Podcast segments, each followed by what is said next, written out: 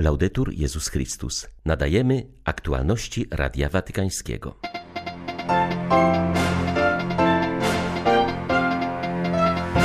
Choroba uświadamia nam naszą zależność od Boga i potrzebę bliskości drugiego człowieka, napisał papież w orędziu na Światowy Dzień Chorego. Papieżowi zależy na większym zaangażowaniu świeckich w ewangelizacji. Dlatego dopuścił kobiety do posług lektoratu i akolitatu, uważa kardynał Christoph Schembor. Islamscy rebelianci znów sieją śmierć i zniszczenie w Republice Środkowoafrykańskiej. Ludzie schronili się w kościołach. Proszę was o pomoc i modlitwę, apeluje polski biskup misyjny Mirosław Gucwa. 12 stycznia witają Państwa ksiądz Krzysztof Ołdakowski i Łukasz Sośniak. Zapraszamy na serwis informacyjny. Społeczeństwo jest bardziej ludzkie, jeśli potrafi zatroszczyć się o swoich słabych i cierpiących członków, a zdoła czynić to skutecznie, będąc ożywione miłością braterską. Te słowa znajdują się w ogłoszonym dziś orędziu papieża na Światowy Dzień Chorego. Jego temat brzmi: Jeden jest wasz nauczyciel, a wy wszyscy braćmi jesteście. Jest to fragment Ewangelii świętego Mateusza, w którym Jezus krytykuje obłudę tych, którzy mówią, ale nie czynią, oraz przestrzega przed niebezpieczeństwem popadnięcia w bałwochwalstwo samego siebie. Ojciec Święty zauważył, że doświadczenie choroby sprawia, że odczuwamy naszą bezradność, a jednocześnie wrodzoną potrzebę drugiego człowieka, uświadamiamy sobie bardziej naszą zależność od Boga i doświadczamy, że nie mamy ostatecznego wpływu na nasze zdrowie. Choroba budzi pytanie o sens życia, które w wierze skierowane jest do Boga, Pytanie, które szuka nowego zrozumienia dla tajemnicy egzystencji, a które nie od razu można odnaleźć. Odnosząc się do kryzysu pandemicznego, papież stwierdził, że z jednej strony ujawnił on wiele nieprawidłowości w systemach opieki zdrowotnej, szczególnie w zakresie troski o starszych oraz równego dostępu do świadczeń, a z drugiej uwydatnił poświęcenie i wielkoduszność pracowników służby zdrowia, wolontariuszy i księży, którzy dzięki profesjonalizmowi i ofiarności służyli chorym oraz ich rodzinom. Ojciec Święty przypomniał o znaczeniu najgłębszych ludzkich uczuć w trosce o chorych. Wskazał na bliskość jako cenny balsam, który daje wsparcie i pocieszenie tym, którzy cierpią. Franciszek zwrócił uwagę także na znaczenie braterskiej solidarności, która wyraża się w konkrecie służby i może przybierać różne formy. Zauważył, że dla powodzenia procesu leczenia istotne znaczenie ma aspekt aspekt relacyjny, dzięki któremu można mieć całościowe podejście do pacjenta. Docenienie tego aspektu pomaga lekarzom, pielęgniarkom i wolontariuszom otoczyć opieką osoby cierpiące i towarzyszyć im w procesie uzdrowienia dzięki relacji międzyosobowej opartej na zaufaniu. Światowy Dzień Chorego w 1992 roku ustanowił święty Jan Paweł II. Jest on obchodzony 11 lutego w liturgiczne wspomnienie Matki Bożej z Lourdes. Ogłoszona wczoraj decyzja papieża o dopuszczeniu kobiet do posług lektoratu i ekolitatu to zachęta do większego udziału wiernych świeckich, w tym również kobiet w misji Kościoła w głoszeniu Ewangelii, wskazuje na to kardynał Christoph Schönborn, metropolita Wiednia. Komentując dla Radia Watykańskiego motu Prioprio Spiritus Domini, podkreśla on, że zasadniczą decyzję podjął już w tej kwestii święty Paweł VI, kiedy w 1972 roku zniósł niższe święcenia kapłańskie i jednoznacznie orzekł, że lektorat i akolitat to posługi wiernych świeckich. Zapytany, czy wczorajsza decyzja papieża może być dla kobiet powodem do radości, kardynał Szemborn odpowiedział. C'est toujours une joie Zawsze należy się cieszyć, kiedy Kościół, kiedy papież jako pasterz Kościoła powszechnego zaprasza do bardziej konkretnego zaangażowania w ewangelizację i w liturgię. Potrzeba bowiem głoszenia Słowa Bożego i to nie tylko w ramach służby liturgicznej. Ustanowienie kobiet i mężczyzn do tych posług to na pewno wielka zachęta do głoszenia Słowa Bożego. Oczywiście można i trzeba to robić również bez oficjalnego ustanowienia przez Kościół, ale zarazem warto też przygotować się do pełnienia tych posług, a oficjalne ustanowienie daje tej misji większe znaczenie. Trzeba się zatem cieszyć z tego bodźca, który daje nam papież.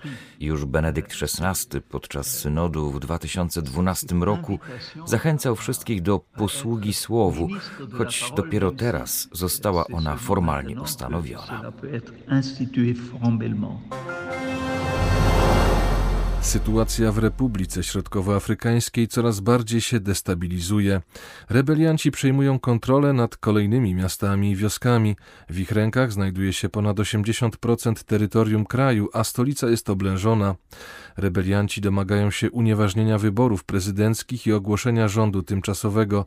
Nasze kościoły, seminaria i misje znów zapełniają się przestraszonymi ludźmi, którzy nie wiedzą, co ich czeka, mówi Radiu Watykańskiemu polski biskup misyjny Mirosław Gucwa. Jest on ordynariuszem Buar, miasta, które kilka dni temu zostało zaatakowane przez doskonale uzbrojonych rebeliantów. Są ofiary i wielu rannych. Miasto jest kompletnie wymarłe mówi biskup Gucwa. Kiedy doszło do poważnego konfliktu zbrojnego pomiędzy wojskiem a rebeliantami, ludzie masowo puszczali domy, chroniąc się w polach. Niektórzy w seminarium przy katedrze parafii Matki Bożej Fatimskiej czy klasztorze ojców karmelitów. Dzisiaj jest w miarę spokojnie. Ludzie boją się jednak wrócić jeszcze do swoich domów, dlatego że rebelianci ciągle są obecni. Rodziny, kiedy przychodziły do ośrodków, zabrały ze sobą trochę zapasów i to wystarczy na parę dni żeby przeżyć. No więc e, potrzebują pomocy. W miarę naszych możliwości pomagamy, staramy się pomóc dzieciom, osobom starszym, biednym. Zwróciliśmy się o pomoc do organizacji humanitarnych. Więc mam nadzieję, że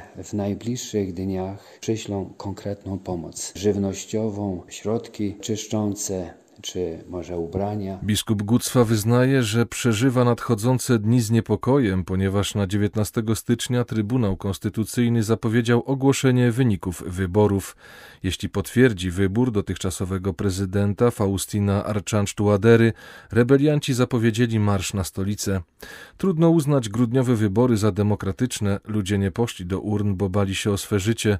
U nas w Buar zawiodło nawet wojsko ONZ, które nie chroniło lokali wyborczych i nie zapewniło ludziom bezpieczeństwa, podkreśla misyjny biskup. Dlatego proszę Was również o modlitwę, aby Bóg w jakiś sposób poruszył serca rebeliantów aby ich serca rozbroił z gniewu i aby to rozbrojenie serce później przełożyło się na rozbrojenie rąk i prosimy też o światło dla rządzących, aby szukali rozwiązania konfliktu nie na drodze zbrojnej, ale na drodze dialogu. Tak jak o tym mówił papież Franciszek w swoim wystąpieniu, właśnie wezwał wszystkich e, w naszym kraju do dialogu, aby właśnie w ten sposób rozwiązać konflikt i aby w ten sposób właśnie no, kraj zaczął się rozwijać. Misyjny biskup, który w Republice Środkowoafrykańskiej przeżył już nie jeden zamach stanu i wiele konfliktów, zauważa, że ta sytuacja braku bezpieczeństwa będzie się przeciągała.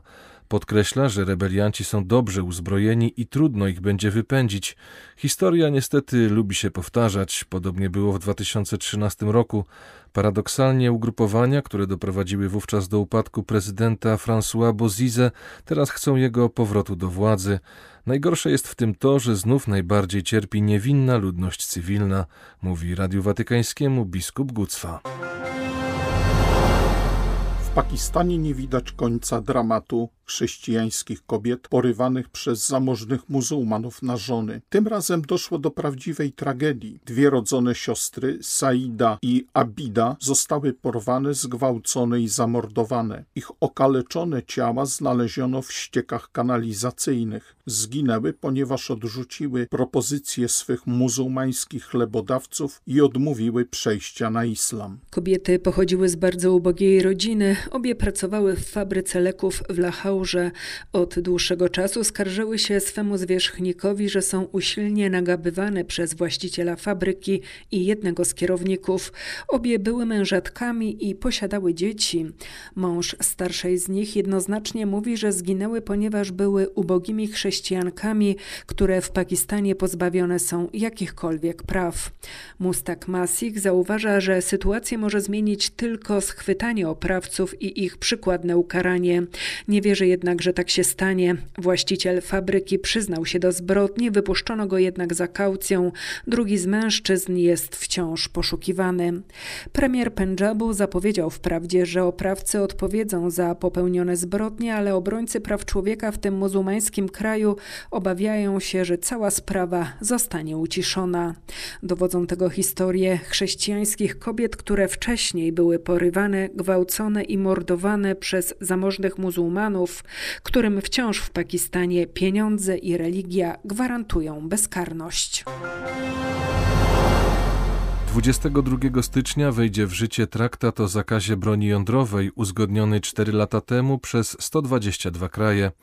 W związku z tym biskupi Anglii, Walii i Szkocji wspólnie zaapelowali do brytyjskiego rządu o dołączenie do porozumienia i wyeliminowanie arsenału nuklearnego. Podpisany dotychczas przez 84 państwa traktat nazwali kamieniem milowym na drodze do całkowitego rozbrojenia jądrowego. Zaznaczyli, że pokój należy budować poprzez dialog, a nie groźbę wzajemnego zniszczenia.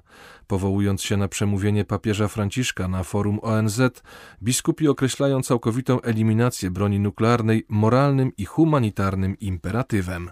Póki co na dokumencie brakuje podpisów przywódców głównych państw nuklearnych, takich jak Rosja, Stany Zjednoczone, Chiny, Francja, Izrael, Indie, Korea Północna i Pakistan. Środki wydane na produkcję, utrzymanie i modernizację broni masowego rażenia powinny zostać zainwestowane w pomoc najbiedniejszym i najbardziej bezbronnym członkom naszego społeczeństwa, czytamy w oświadczeniu.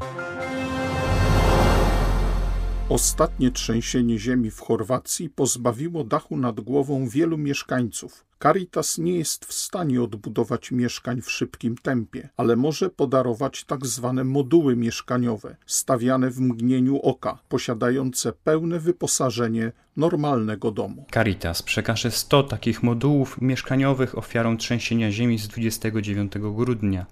Problem pojawia się z mieszkańcami wiosek, którzy nie akceptują idei przesiedlenia i mieszkania w modułach. Wolą oni pozostać w pobliżu swoich upraw i zwierząt gospodarskich, więc śpią w stodołach ze zwierzętami, w samochodach lub w gruzach swoich domów. Caritas chce im pomóc jak najszybciej odbudować domy, aby mogli żyć bezpiecznie i godnie. Pomimo trudności są oznaki nadziei. W tym bardzo trudnym momencie, mówi Zuzanna Borko, dyrektor Caritas Croatia, Czujemy cudowną solidarność okazaną przez naszych rodaków. Wiele osób wysyła jedzenie, ubrania i materiały budowlane do dotkniętych obszarów. Jeśli chodzi o Caritas, naszym głównym celem jest zapewnienie godnych warunków mieszkaniowych i pomoc w odbudowaniu domów. Pozostaniemy z tymi ludźmi, dopóki nie osiągniemy tego celu. Od 1 stycznia Portugalia objęła na pół roku prezydencję w Unii Europejskiej. Z tej okazji biskupi tego kraju przypomnieli, że to chrześcijańskie dziedzictwo leży u korzeni tożsamości europejskiej oraz stanowi podstawę budowy przyszłości Starego Kontynentu. Myślą przewodnią portugalskiej prezydencji są słowa czas działać na rzecz sprawiedliwego, ekologicznego i cyfrowego ożywienia gospodarczego. Jest to ambitny projekt, skomentował delegat biskupów portugalskich w Comese, biskup Braz de Silva, ale ważne jest dołożenie wszelkich starań, aby rozwiązać problemy. Wskazując zatem na potrzebę wspólnej europejskiej reakcji na kryzys wywołany pandemią COVID-19, hierarcha przypomniał również o wzmocnieniu chrześcijańskich korzeni projektu europejskiego. Dziedzictwo chrześcijańskie, podkreślił, jest podstawą budowy i integracji europejskiej, a więc nie jest czymś, co należy odzyskać, ale faktem, który jest nadal obecny. Były to aktualności Radia Watykańskiego. Laudetur Jezus Chrystus.